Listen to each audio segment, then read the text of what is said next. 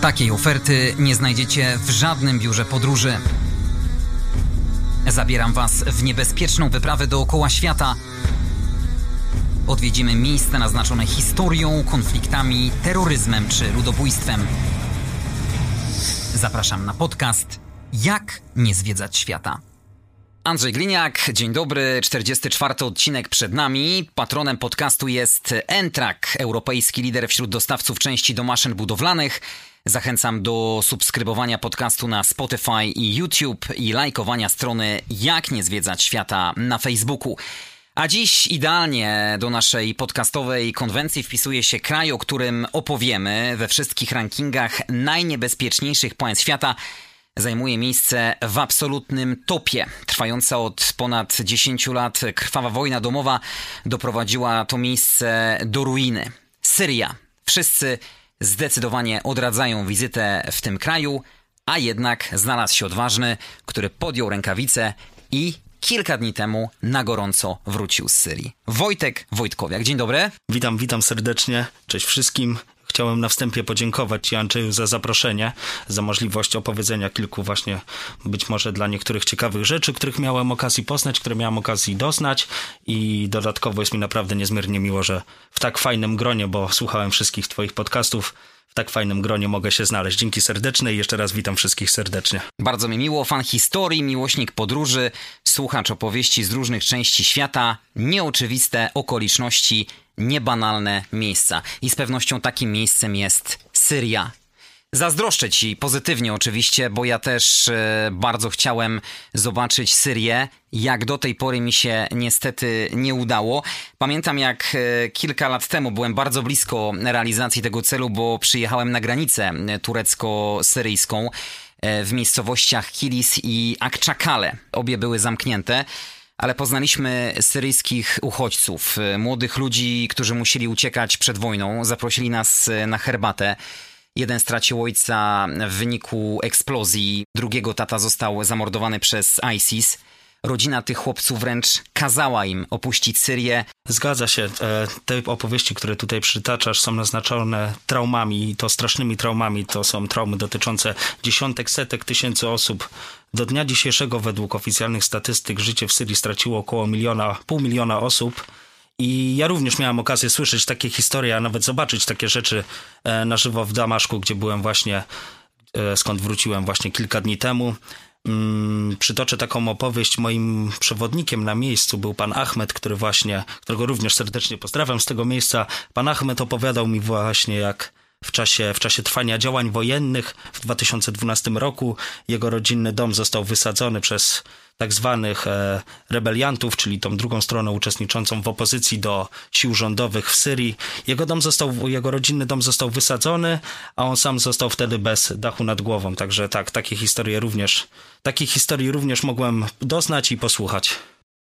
Wracając jeszcze do tej opowieści z granicy i spotkania z syryjskimi uchodźcami, zapytałem ich, czy gdyby granica była otwarta i gdybym zdecydował się na podróż w głąb kraju samochodem, to czy nic by mi się nie stało? Oni jednoznacznie stwierdzili, że po zaledwie kilkunastu kilometrach prawdopodobnie albo zostałbym porwany, albo zamordowany. Tam jest tak dużo tych różnych grup przestępczych, gangów, rebeliantów, wojsk, Nigdy nie wiesz, na kogo trafisz. Zgadza się. Jeśli chodzi o Syrię, to mamy siły rządowe pod przewodnictwem prezydenta Bashara al-Assada, Mamy niezależny demokratyczny front wyzwolenia z Syrii, to są tak zwani rebelianci w oficjalnej, w oficjalnym nazewnictwie tych właśnie osób uczestniczących w wojnie domowej od czasów arabskiej wiosny z 2010 roku, czyli mamy właśnie e, Narodowy Front Wyzwolenia Syrii, mamy siły rządowe, mamy dodatkowo jeszcze mniejszość kurdyjską na północy kraju, mamy dodatkowo państwo islamskie, które na szczęście już nie jest tak silne jak jeszcze na początku e, w w latach 2011-2012, gdzie ich, gdzie ich działania były najbardziej nasilone. I dodatkowo jeszcze jedną stroną konfliktu, Jest tam e, Turcja, która również próbuje pokazać swoją dominację w rejonie, która próbuje odbudować swoją hegemonię, którą miała wiele lat wcześniej, a dodatkowo próbuje powstrzymać ekspansję, jeśli chodzi o e, powstanie niezależnego, niepodległego państwa kurdyjskiego. Także Andrzeju, tak jak mówisz, mamy do czynienia z niesamowitą mieszanką wybuchową, bardzo podatną na wszelkiego rodzaju bodźce. Interesujesz się Bliskim Wschodem, wiedziałeś o tych wszystkich niebezpieczeństwach, e, które mogą na ciebie czyhać, a jednak ciekawość wzięła górę. Wzięła, wzięła. Między innymi dlatego właśnie wybrałem sobie mojemu podobaniom Bliski Wschód. Zaczęło się to w 2017 roku, kiedy odbyłem swoją pierwszą podróż do Izraela. Czułem wewnętrznie, że muszę odwiedzić miejsce, e, które wiąże ze sobą, jak, które wiąże ze sobą jako dla fana historii, fana kultur, fana różnego rodzaju badania zachowań społecznych, które wiąże ze sobą trzy największe religie, czyli judaizm, chrześcijaństwo i islam. I Izrael właśnie w, pozwolił mi doznać tych, tych wszystkich rzeczy na własne oczy, poznać jak ci ludzie radzą sobie e, w takim właśnie, w takim miszmaszu niesamowitych różnych kultur, różnych przeciwności naznaczonych e, trudną i ciężką historią, jak sobie radzą i żyją. I właśnie od Izraela zaczęła się moja e, miłość i pasja, od podróży do Izraela zaczęła się ta miłość i pasja do podróżowania i zwiedzania Bliskiego Wschodu. Następnie była to Jordania, a właśnie teraz jeszcze razem za podróżą, odbyłem podróż do, do Libanu i, i do Syrii. Jak wygląda organizacja takiej wycieczki do Syrii? Mm, na początku wygląda to w sposób następujący. Wszedłem na TripAdvisora. Nie da się tak o, może inaczej, zacznę od początku. Nie da się tak o dostać do Syrii. No nie e... jest to miejsce typowo turystyczne. Nie, nie, nie, absolutnie, absolutnie. Pomimo, że do wybuchu wojny domowej było i to bardzo. Do 2010 roku, jeszcze przed rozpoczęciem wojny domowej, przed jeszcze rozpoczęciem działania, działania państwa islamskiego ISIS, Syria była odwiedzana przez 10 milionów turystów rocznie. To są ogromne Ja powiem więcej. Moi znajomi przed wybuchem wojny domowej spacerowali sobie wieczorami po Aleppo, które teraz jest całkowitą ruiną, które jest uznawane za jedno z najniebezpieczniejszych miast świata. Oczywiście, Teraz jest tak. to nie do pomyślenia. Oczywiście, tak. Wszystko się zmieniło. Także aktualnie, jeśli ktoś planuje wybrać się do Syrii, powiedzmy, jest na tyle nierozsądny, jak ja byłem, bo przez chwilę już na tym wyjeździe wydawało mi się, że postąpiłem nierozsądnie, ale do tego jeszcze wrócimy. E, krok pierwszy. Wszedłem na TripAdvisora i zacząłem śledzić poszczególne wypowiedzi zagranicznych turystów, którzy byli właśnie z Syrii e, i którzy udzielali porad właśnie chcąc, osobom chcącym odwiedzić te miejsca i poświęciłem się przede wszystkim temu, żeby poczytać, jakie biura podróży e, są polecane przez tych właśnie zagranicznych turystów, przez Brytyjczyków, przez Skandynawów, e, przez Niemców, Francuzów. Widziałem bardzo dużo wypowiedzi, przefiltrowałem sobie te wszystkie informacje i znalazłem jedno z biur, które działało właśnie na terenie Syrii, Egiptu i Libanu. Biuro się nazywało e, Vox, Luxor, Vox Luxor Travel, tak dobrze pamiętam.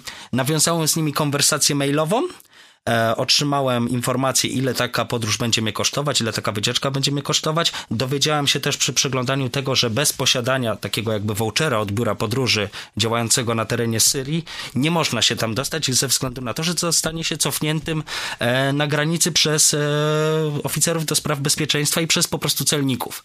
Jeśli nie ma się wyraźnego na przykład vouchera z biura podróży, który działa na terenie Syrii, nie można się tam dostać. Ja na szczęście taki voucher miałem, wszystko było załatwione formalnie, ale do pewnego momentu też nie, nie wydawałoby się, że nie będzie tak kolorowo, ale do tego może za chwilę przejdziemy. Ile kosztowała taka przyjemność? E, przyjemność wylotu, wybrania się do Damaszku, a byłem akurat w Bejrucie w Libanie, bo była to moja podróż połączona. E, zobaczyłem wtedy Bejrut w Libanie miałem zamiar wybrać się do Damaszku. Kosztowała mnie 300 dolarów, to jest przewiezienie mnie z Bejrutu do Damaszku. E, opieka przewodnika na miejscu, oczywiście obsługa, usługa kierowcy i dodatkowo jeszcze w to wszystko są wliczone łapówki, ale do tego myślę też sobie za chwilkę przejdziemy. I dodatkową opłatą jest jeszcze wiza dla dla Polaków wynosi, opłata za wizę wynosi aktualnie 60 euro, czyli kosztowało mnie to 300 dolarów i 60 euro za jednodniową podróż z Bejrutu do Damaszku wcześniej byłeś e, w Izraelu.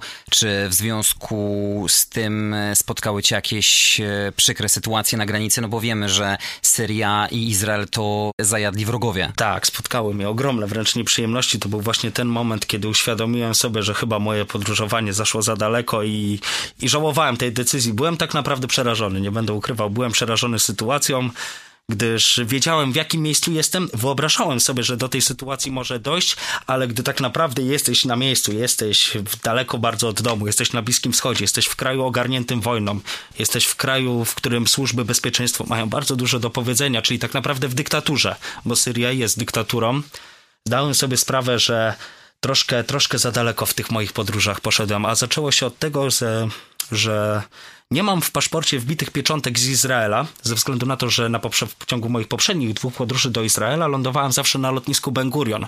Na lotnisku Ben Gurion nie otrzymuje się pieczątek do paszportu, tylko otrzymuje się takie małe niebieskie karteczki, które stanowią wizę. Musisz ją mieć przy sobie i zawsze otrzymuje się ją po przylocie i, i trzeba ją trzymać też do wylotu. Jest ona skanowana na lotnisku, ale nauczony doświadczeniem z Izraela, co też jest bardzo ciekawą anegdotą, rozmowa z izraelskimi służbami specjalnymi, naprawdę trzy godziny, ale to może temat na inną rozmowę. Nauczony tym doświadczeniem wiedziałem, że nie można okłamywać nigdy oficerów służb bezpieczeństwa. Trzeba mówić im całą prawdę, szczególnie jak jest się na Bliskim Wschodzie i szczególnie jak jest się w takim kraju jak Syria. Więc zapytano mnie, czy byłem, w jakich krajach byłem wcześniej. Odpowiedziałem zgodnie z tym, co miałem w paszporcie, że byłem w Jordanii, gdyż mam stemple z Jordanii ale opowiedziałem też wprost, że byłem w Izraelu. Chciałem dać im wszystkim do zrozumienia, że jestem po prostu zwykłym turystą, a nie na przykład jak w Izraelu. Na przykład pytano mnie, czy przyjechałem wspierać organizację wyzwolenia Palestyny.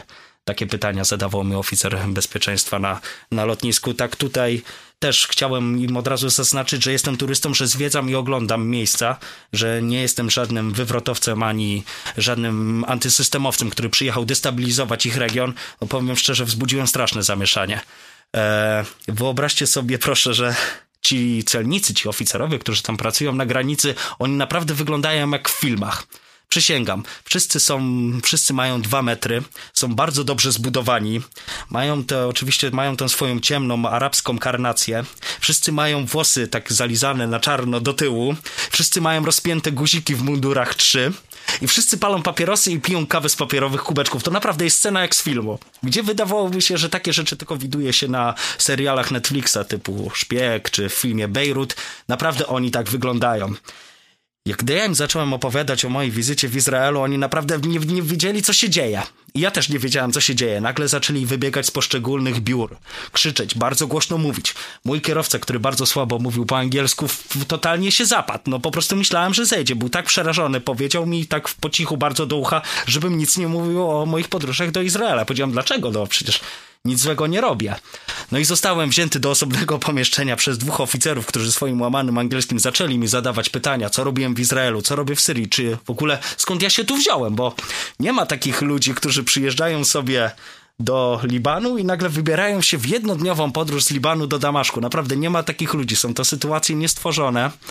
I ja wiedziałem, że będę ewenementem dla, dla tych osób. Wiedziałem, że wzbudzę podejrzenia, ale nie, że aż takie. Na szczęście mój kierowca wykazał się wykazał się odpowiednią, że tak powiem, mądrością i pokazał voucher, który miał wydrukowany, voucher z biura podróży, ja o tym nie pomyślałem, na którym jest moje imię i nazwisko, na którym jest nazwa biura podróży, które de facto w cudzysłowie zaprosiło mnie na tą wycieczkę do Syrii. Na podstawie takiego vouchera służby mogą przepuszczać i dawać wizę, więc sytuacja się troszkę uspokoiła i mogłem spokojnie wjechać. Dostałem pieczątkę jedną, drugą, zapłaciłem za tą wizę, wsiadłem z powrotem do auta razem z kierowcą i mogliśmy udać się spokojnie do Damaszku, ale przyznam szczerze, naprawdę, to był ten moment, w którym uznałem, że to chyba jest koniec. A szanowni państwo, chciałbym wam powiedzieć, że aktualnie ze względu na działania wojenne w Damaszku nie działa polski konsulat. Polski konsulat w Syrii znajduje się w Bejrucie i czytałem na rządowej stronie, że za różnego rodzaju przewinienia służby bardzo łatwo potrafią wsadzić do, do, kolokwialnie mówiąc, wsadzić do arabskiego aresztu, a na kontakt z rodziną czy jakimikolwiek strukturami państwowymi trzeba czekać czasem nawet i do pół roku. Także ja naprawdę już miałem wtedy w głowie ten obraz, że Boże, przecież oni zaraz mnie zamkną w tym arabskim więzieniu i ja tam nie wytrzymam. No jak ja tam wytrzymam? No, także naprawdę miałem, miałem tego typu myśli, ale na szczęście wszystko skończyło się dobrze. Nic takiego się nie wydarzyło.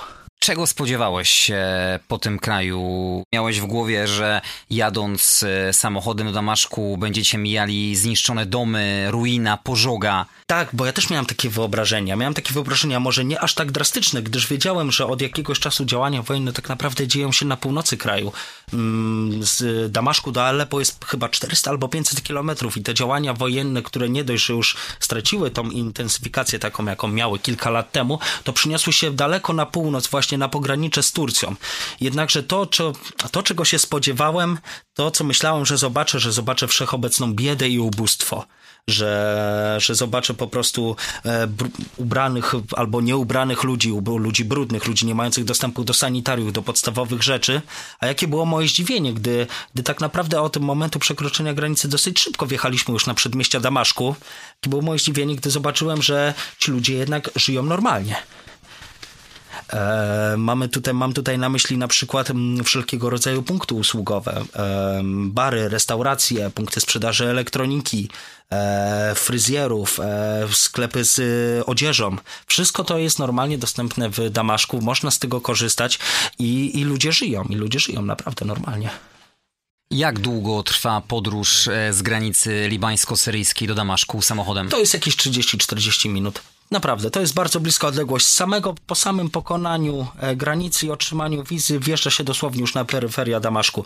Z samego Bejrutu, z którego podróżowałem do Damaszku jest 130 kilometrów. To jest półtora godzinna podróż. To jest półtora godzinna podróż, także... Drogi? No nie są w zbyt dobrym stanie. Nie są w zbyt dobrym stanie. Infrastruktura niestety naznaczona jest tym w krajach Bliskiego Wschodu, szczególnie tych biedniejszych, że nie są to zbyt dobre drogi, takie do których na przykład jesteśmy przyzwyczajeni w zachodniej Europie. Są to drogi zniszczone, często piaszczyste, e, nieprzygotowane tak naprawdę do, do takiego, uważam, e, transportu, nieprzystosowane, a jednak ludzie podróżują i jeżdżą. Muszę też, muszę też zaznaczyć, że nie widziałem zbyt wielu aut w czasie tej drogi ten nieodłączny krajobraz y, Syrii, który miałem okazję oglądać na filmach y, czy zdjęciach, to wszechobecne checkpointy te rutynowe, drobiazgowe kontrole na drogach. Tak, checkpointy, checkpointy to też jest historia. O, checkpointy to historia, której się naprawdę nie spodziewałem.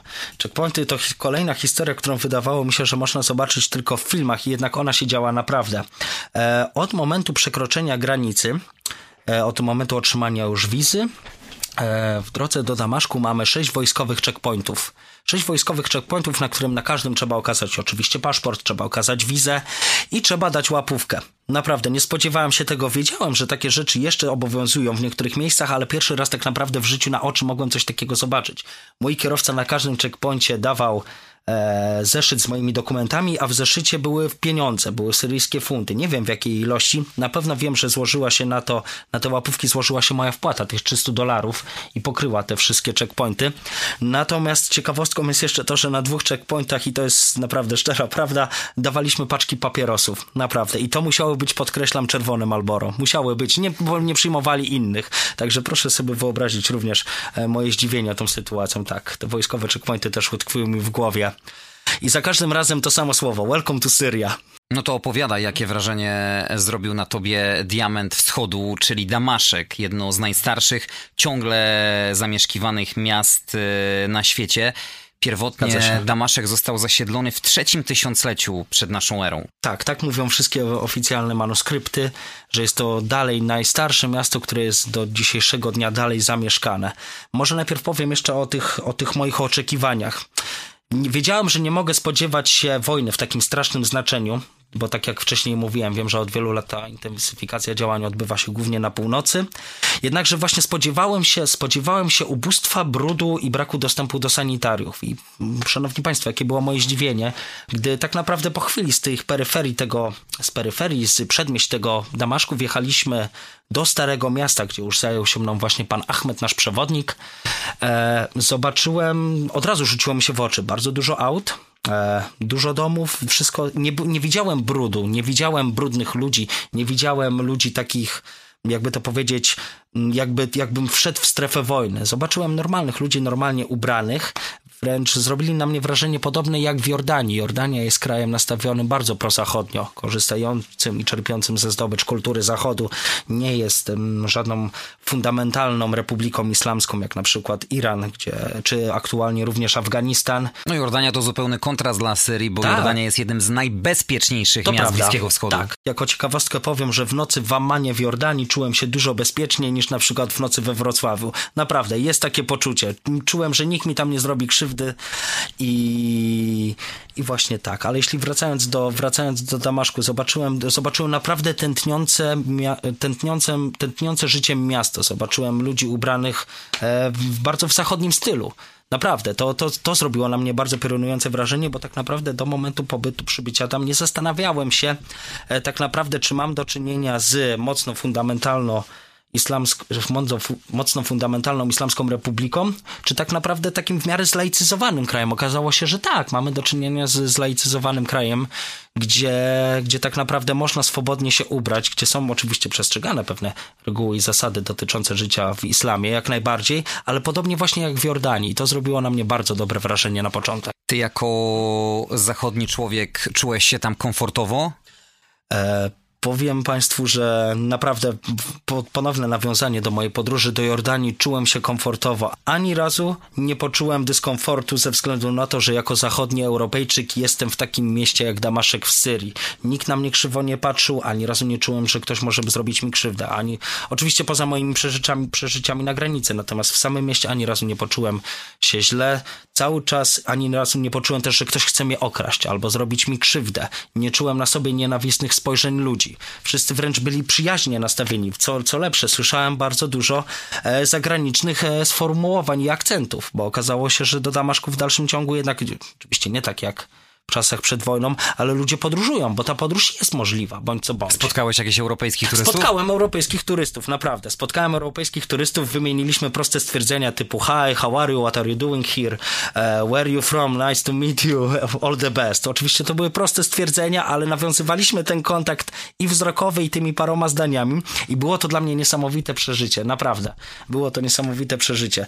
Samo to, że na przykład w bardzo świętym miejscu w Damaszku, w meczecie Umajadów jest to jedna z, jedno z bardzo świętych miejsc w religii islamskiej i miejsce to pozwala, wpuszcza, miejsce to pozwala na zwiedzanie właśnie zachodnim turystom. Można wejść, nawet pytałem mojego przewodnika, czy mogę nakręcić film, czy mogę nakręcić, czy mogę zrobić zdjęcia, czy nikogo tym nie urażę. On mi na to pozwolił, że tak, jak najbardziej. A chcę też powiedzieć, że w meczecie Umajadów znajduje się grup Jana Chrzciciela. To jest po prostu niesamowite. Jan Chrzciciel w religii islamskiej jest uznawany za jednego z proroków, także naprawdę coś niesamowitego. Wspomniałeś ten wielki meczet Umayyadów, to jest najważniejsza świątynia w Syrii i czwarta co do ważności tak. w świecie muzułmańskim.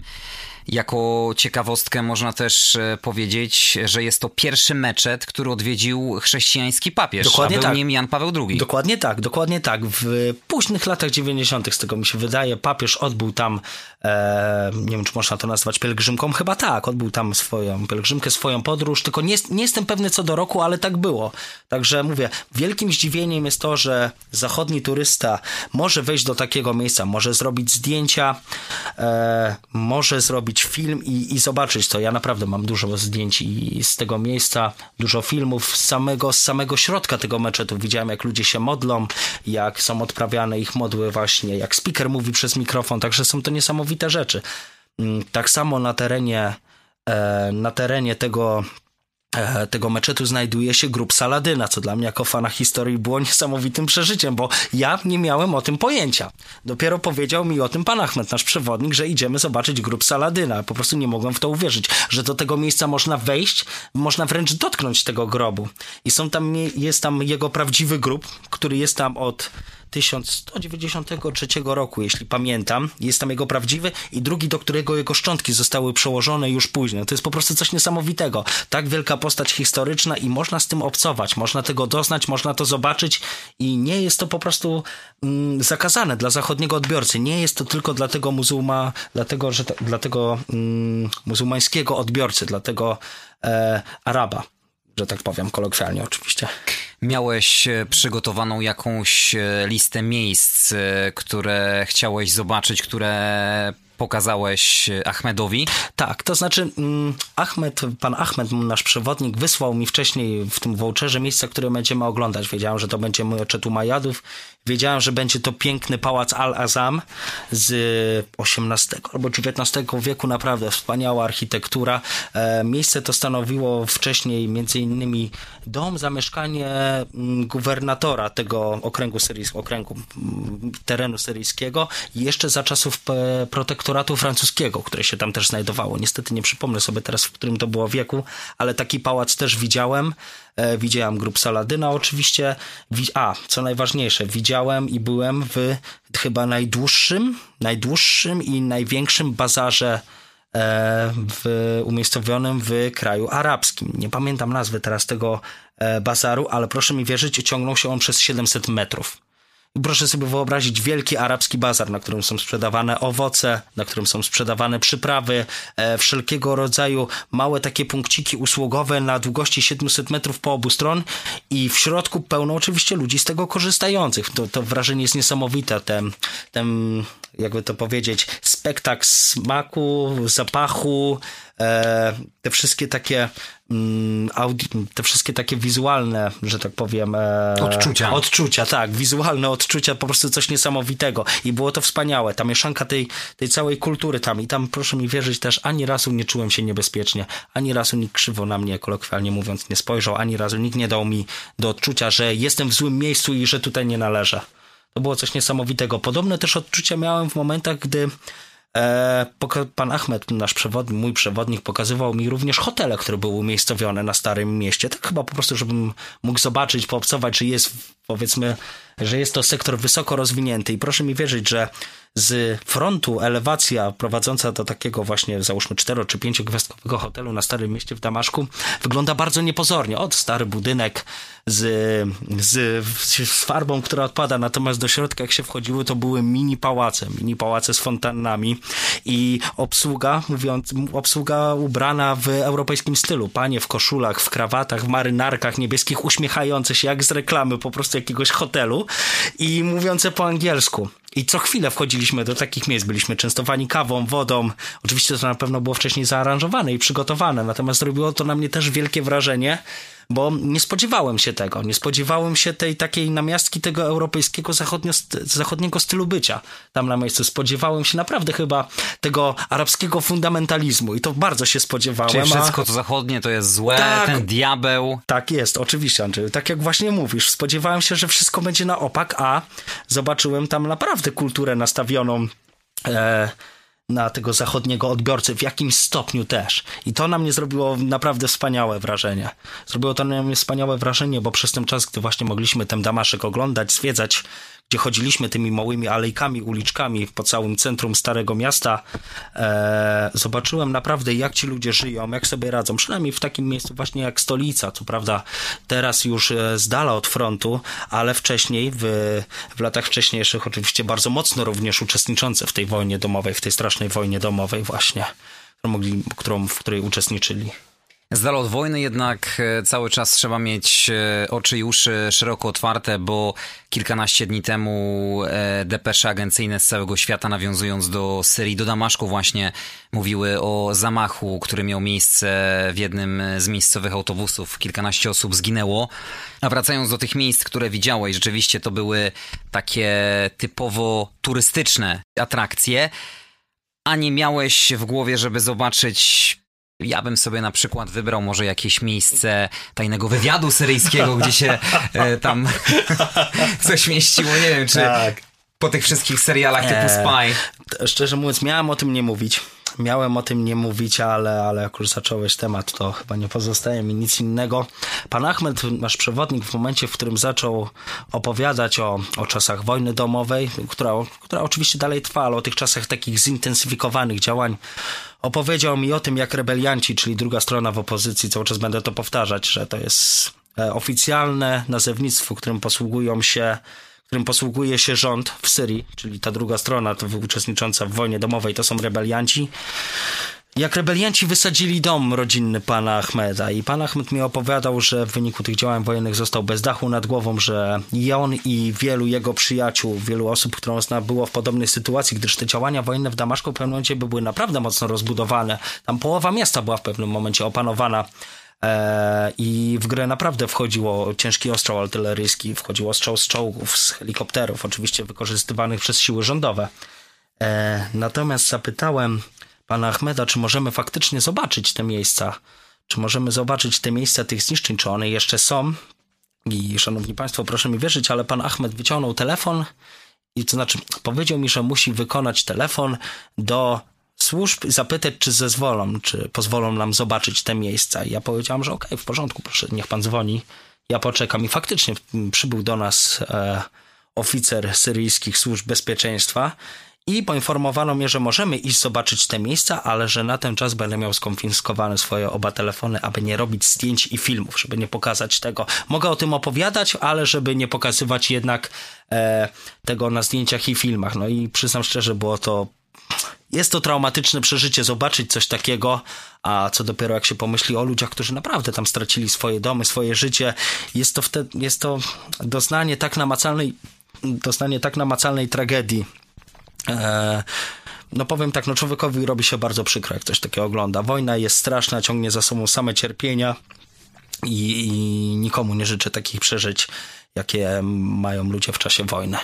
Smakowałeś podczas e, twojego pobytu kuchni syryjskiej? E, tak, pan Ahmed, e, o czym już wspominałem, wcześniej pracował w syryjskim Ministerstwie Turystyki i zajmował się działem takim odpowiednikiem naszego polskiego sanepidu i powiedział mi właśnie taką ciekawą historię, że wie, do której restauracji możemy się udać, bo wie, że wie, że będzie tam czysto i że na pewno nic nikomu się z nas nie stanie, oczywiście, więc e, zostałem zaproszony na obiad i przyznam szczerze, zrobiło na mnie to też niesamowite wrażenie, bo weszliśmy do tej restauracji i wyglądała ona w Wyglądała ona całkowicie prozachodnio, proeuropejsko wręcz. Kelnerzy ubrani bardzo ładnie w koszule i krawaty. Na stolikach obok widziałem e, drogie markowe alkohole, które spotykamy tutaj również w Polsce i za granicą. Marki, które znamy, ludzie cieszący się tym alkoholem, sziszą, jedzeniem. Także to też na mnie zrobiło ogromne wrażenie, bo też nie miałem takiego obrazu w głowie takiej syryjskiej restauracji. Trzeba przyznać jednak, że oczywiście po tym już jak to wszystko do mnie doszło, że mm, stolica, nieważne jak strasznie wycieńczonego kraju, tak mi się przynajmniej wydaje, zawsze się obroni. Stolica zawsze się obroni. Na pewno poza stolicą wygląda to kompletnie inaczej, ale stolica zawsze będzie jednak tym obrazem i musi, musi trzymać jakiś fason, jakiś standard. Ale wracając, mm, faktycznie mogliśmy sobie kodem QR zeskanować menu, jeśli dobrze pamiętam. Tak chyba było, tak, kodem QR żeśmy zeskanowali menu i otrzymałem, mogłem sobie wybrać tam oczywiście przystawki, danie główne. E, ogromne wrażenie zrobiło na mnie taki zapykany placek e, z jagnięciną, z duszonymi pomidorami i papryką, który kelner dosłownie przy nas otworzył, pociął ten placek nam na części i podawał na talerz. No, wydawało mi się, że coś takiego w takim kraju jak Syria jest nie do pomyślenia. No, naprawdę czegoś takiego się nie spodziewałem, żeby dostać tak fajnej obsługi kelnerskiej, żeby tak prozachodniej, takiej, do której jesteśmy tutaj przyzwyczajeni. E, tak jak mówię, zostałem też uraczony syryjskim piwem, nomen bardzo dobrym, bardzo mi smakowało, naprawdę coś niesamowitego. Pamiętam, że jak tylko pan Ahmed wspomniał mi o tym, czy, czy mam ochotę na piwo, czy syryjskie, nie mogłem uwierzyć. Naprawdę, wpadłem w taką... taką no bo to kraj muzułmański, bo to jest, więc... Bo to jest właśnie kraj muzułmański, a stolik obok, e, goście naprawdę normalnie wyglądający, normalnie to też głupio może brzmi, ale normalni ludzie, normalni mhm. ludzie Arabowie cieszący się po prostu no, no życiem, jedzący, palący sziszę, mający butelkę markowego alkoholu i na nikim nic w tym złego nic w tym złego naprawdę nie było. To było niesamowite. To było też niesamowite. Nie wierzę, żeby to był jakiś teatrzyk na potrzeby mojej wizyty. Na pewno nie, bo wymagałoby to chyba zbyt wielu e, przygotowań. Natomiast tak, naprawdę, no, zrobiło to niesamowite wrażenie. Pozytywne oczywiście. Spróbowałeś coś na tym ogromnym targu? Nie, nie. Na targu, na targu nie próbowałem. Chyba ze względu na to, że raz, że czytałem opinię, żeby uważać na tego typu właśnie e, próbowanie różnych rzeczy na targu ze względu względu na możliwe problemy żołądkowe, które mogą później wystąpić. Wiadomo, ta flora bakteryjna tam jest kompletnie inna. Nie ukrywam, że na jednym z moich wcześniejszych że w jednym z moich wcześniejszych pobytów w krajach arabskich miałem pewne kłopoty żołądkowe, więc naznaczony tym, tym doświadczeniem starałem się tego uniknąć, mimo najszczerszych chęci bym jednak, bym jednak nie spróbował. Mówię, są te różnice pomiędzy naszą florą a florą Arabów, także chciałbym, ale nie, chciałbym, ale nie.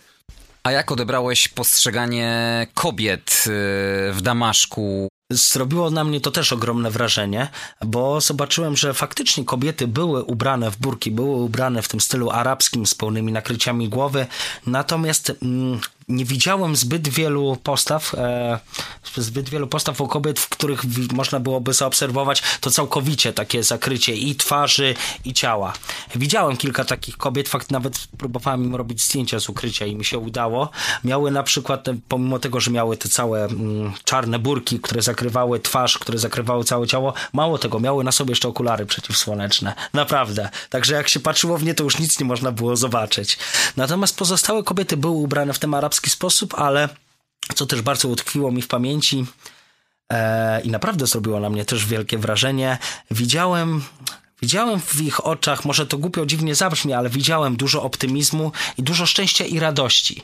Nie widziałem tam postaw smutnych w Damaszku, nie widziałem postaw e, zniechęconych, załamanych. Widziałem naprawdę dużo szczęścia, dużo, dużo szczerości, dużo uśmiechu i pogody. Ja wiem, że to dziwnie brzmi, bo rozmawiamy o kraju, który jest uznawany za bardzo niebezpieczny, w którym od wielu lat toczy się wojna na różnych płaszczyznach, w którym dalej toczy się wojna domowa, w którym w dalszym ciągu e, walczy ISIS, pomimo że już pokonany to naprawdę miałem takie odczucia, przynajmniej z tego samego Damaszku i jest to bardzo pozytywne, uważam. Jest to naprawdę bardzo pozytywne doznanie i jestem szczęśliwy, że mogłem to zobaczyć. Sugerujesz zatem, że gdyby ktoś kompletnie nie interesował się tematem, został e, wsadzony do wehikułu czasu, pojawił się w środku Damaszku i przez cały dzień zwiedzał stolicę Syrii, kompletnie by nie pomyślał, e, że tam trwa od tak, wielu lat wojna? Naprawdę, dokładnie tak jak mówisz. Tu pięknie powiedziałaś, Andrzeju, teraz. Nie, gdybym nie zobaczył tych... Mm, tych zniszczonych dzielnic, które jeszcze nie zostały odbudowane, a zostałbym tylko na tym starym mieście, na tym centrum i mając jeszcze w w, z tyłu głowy to przedmieście, którym przejeżdżałem, pomyślałbym, że to jest normalne, normalne miasto znajdujące się na Bliskim Wschodzie, że może trafiłem właśnie do jakiejś Jordanii, że jestem w Jordanii, może w Libanie, może, może w Arabii Saudyjskiej jestem, ale nie pomyślałbym, że jestem właśnie w strefie naznaczonej takimi okropnościami i horrorami. Naprawdę nie pomyślałbym. I było to dla mnie niesamowite, także naprawdę, mm, szanowni państwo, podróże otwierają oczy i nawet dla człowieka takiego jak ja, który się interesuje tymi tematami, tymi zjawiskami, który podróżuje po tych krajach, to nie jest jego pierwsza e, wyprawa do takich miejsc, nawet na mnie to zrobiło wrażenie. Naprawdę. Nie kusiło cię żeby namówić Ahmeda, żeby pokazał ci choćby Aleppo? Był taki pomysł, ale zabrakło mi dodatkowego dnia na tą podróż. Miałem... Jest taka możliwość jest w ogóle? Taka, jest taka możliwość. Pan Ahmed opowiadał mi o tym, że e, teraz nasiliły się znowu wycieczki grupowe z całego świata i z Europy Zachodniej. Opowiadał mi o grupie 12-osobowej z Filipin, która do nich przyjechała. Prawdziwa historia i był z nimi właśnie w Aleppo. Aktualnie można tam pojechać i to zobaczyć. Oczywiście miasto w, w wielu procentach jest zniszczone. Te zniszczenia można zobaczyć, ale ci ludzie starają się odbudowywać swoje stare życie. To jeszcze sprzed wojny. Ja jestem przekonany, na podstawie postaw, które mogłem sobie zobrazować e, na tej wyprawie, pomimo tak, że tak krótkiej, jestem w stanie sobie wyobrazić, że ci ludzie znowu e, będą w stanie odbudować życie, swoje stare życie, pomimo tych wszystkich okropności, e, na które natrafili. Ale tak, jeśli chodzi o wycieczkę, o podróż do Aleppo, też miałem taki pomysł, ale zabrakło mi jednego dnia, żeby go zrealizować i może jakieś też we, moje wewnętrzne hamulce mnie powstrzymały. No przyznam szczerze, że e, byłem bardzo rozemocjonowany tym wyjazdem i po powrocie już do hotelu zasiadłem przy barze i tak zacząłem rozmyślać o tym wszystkim, co się wydarzyło w ciągu tego dnia. Nie ukrywam, emocje bardzo mną, bardzo mną targały i było to dla mnie bardzo emocjonalne przeżycie. Mocno ciągnąłeś Ahmeda za język, chciałeś dowiedzieć się jak najwięcej rzeczy związanych z Syrią z tej trochę negatywnej strony. Jest to właśnie, jest to jedna z rzeczy, której to zagraniczni turyści, ani w ogóle turyści, którzy podróżują po Syrii nie powinni robić.